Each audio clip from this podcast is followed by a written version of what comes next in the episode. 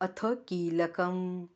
ॐ अस्य श्रीकीलकमन्त्रस्य शिवऋषिः अनुष्टुप्छन्दः।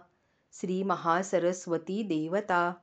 श्रीजगदम्बाप्रीत्यर्थं सप्तशतीपाठाङ्गत्वेन जपे विनियोगः। ॐ नमश्चण्डिकायै मार्कण्डेय उवाच। ॐ विशुद्धज्ञानदेहाय। त्रिवेदी दिव्यचक्षुषे श्रेयप्राप्तिनिमित्ताय नमः सौमार्धधारिणे। सर्वमेतद्विजानीयान् मन्त्राणामभिकीलकं सोऽपि क्षेममवाप्नोति सततं जाप्य तत्परः। सिद्ध्यन्त्युच्चाटनादीनि वस्तूनि सकलान्यपि एतेन स्तुवतां देवी स्तोत्रमात्रेण सिद्ध्यति। न मन्त्रो नौषधं तत्र न किञ्चिदपि विद्यते। विना जाप्येन सिद्ध्येत सर्वमुच्चाटनादिकं समग्राण्यपि सिद्ध्यन्ति लोकशङ्कामिमां हरः। कृत्वा निमन्त्रयामास सर्वमेवमिदं शुभम् स्तोत्रं वै चण्डिकायास्तु तच्च गुप्तं चकारसः। समाप्तिर्न च पुण्यस्य तां यथावन्नियन्त्रणां सोऽपि क्षेममवाप्नोति सर्वमेवं न संशयः। कृष्णायां वा चतुर्दश्याम् अष्टम्यां वा समाहितः। विशुद्ध ज्ञान हेच ज्यांचं शरीर मानतात तीन वेद हे तीन दिव्य नेत्र जे जगाच्या कल्याणाचेच कार्य करतात ज्यांनी मस्तकावर अर्धचंद्रकोर धारण केलेली आहे त्या भगवान शिवशंकराला आमचे नमस्कार असोत.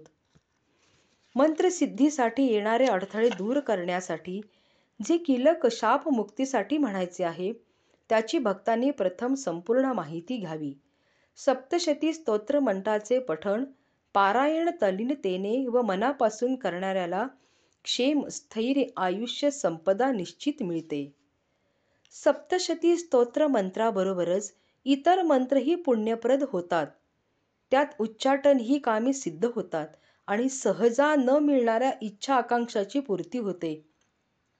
परंतु देवीचे स्तोत्र मंत्रच इतके फलदायी आहेत की एकट्या या स्तोत्र पठाणाने सिद्धी प्राप्त होते. त्यासाठी कोणत्याही मंत्रतंत्राची औषधाची वा अन्य साधना सामुग्रीची आवश्यकता नाही. इतर कोणताही मंत्र जप करता सप्तशती पाठाने भक्तांचे इच्छित कार्य सिद्ध होते. आपल्या इच्छित कार्यपूर्तीसाठी इतर मंत्र व सप्तशती पाठ यात काय फरक आहे? अशा लोकांच्या मनातील शंकेला भगवान शंकरांनी भक्तांना आपल्या इच्छापूर्ती साधनासाठी या पाठाचे महत्त्व सांगितले आहे. सप्तशती पाठ मंत्र महादेवानी गुप्त मंत्र असल्याचे सांगून या पाठाने मिळणारे पुण्य कधीही संपत नाहीच. आणि इतर मंत्रांप्रमाणे या पाठाचा सिद्ध कालावधीही नियंत्रित केलेला नाही. इतर मंत्र जपांची साधना करणारा साधक सप्तशती पाठ नियमितपणे करू लागल्यास त्याचे कल्याण होईल यात संशय नाही. विशेषत कृष्ण पक्षाच्या अष्टमीला किंवा चतुर्दशी या तिथींना या गुप्त मंत्राचा पाठ विशेष रूपाने फलदायी होतो.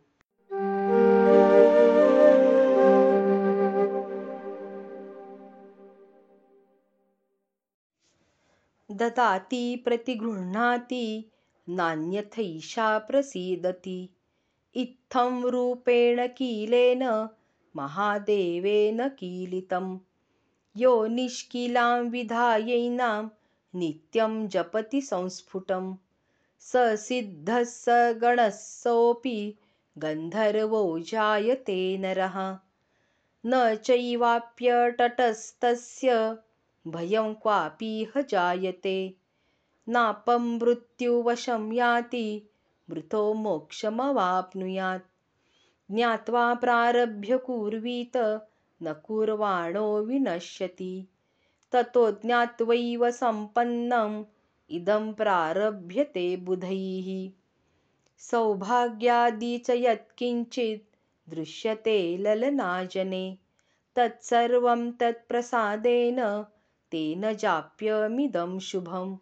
शनैस्तु जप्यमानेऽस्मिन् स्तोत्रे सम्पत्तिरुच्चकैः।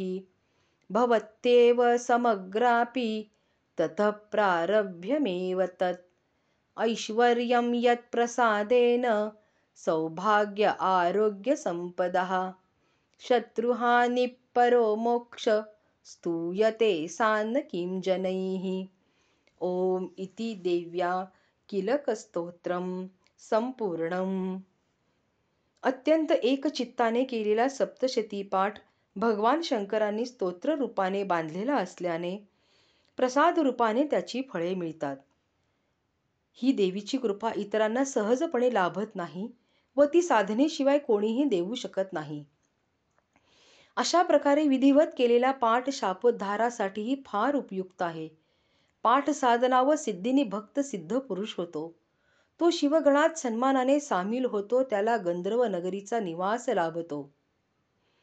या पाठाने सिद्ध झालेला साधक या विश्वात कुठेही असला तरी त्याला भीती अपमृत्यू यांचे भय नसल्याने तो सर्व व सहज संचारी असतो. देहपतनानंतर त्याला मोक्ष सिद्धी मिळते हेही निश्चित. सप्तशती पाठाला किलक व निष्कलनाची संपूर्ण माहिती घेऊनच पाठ विधीपूर्वक करावा. तसे न केल्यास त्याचा नाश होतो म्हणून विचारी आणि सुजाणपणे या पाठाची साधना संपूर्ण प्रथमपासून अखेरपर्यंत करावी. श्री जगदंबा प्रसादाने स्त्रियांना सौभाग्य प्राप्त झाल्याचे दिसून येते. म्हणून देवीच्या आशीर्वादासाठी व आशीर्वादाने भक्तांनी हा पाठ जप करावा असे आग्रहपूर्वक सांगितले आहे. हा सप्तशती पाठ मनात अथवा हळूहळू आवाजात केल्यास त्याचे फळ अल्प व उशिरा मिळते. स्पष्ट शब्दोच्चारांनी व मोठ्या आवाजात उच्च स्वराने सुरुवातीपासून पाठ या पद्धतीनेच करावा. देवी भगवतीच्या कृपेने पाठ जप मंत्र साधनेने ऐश्वर सौभाग्य आरोग्य व संपत्ती मिळून शत्रूंचा नायनाट होतो. म्हणूनच दुर्गा सप्तशती पाठ कल्याणासाठी म्हणायला काय हरकत असावी? असे हे देवीचे किलक.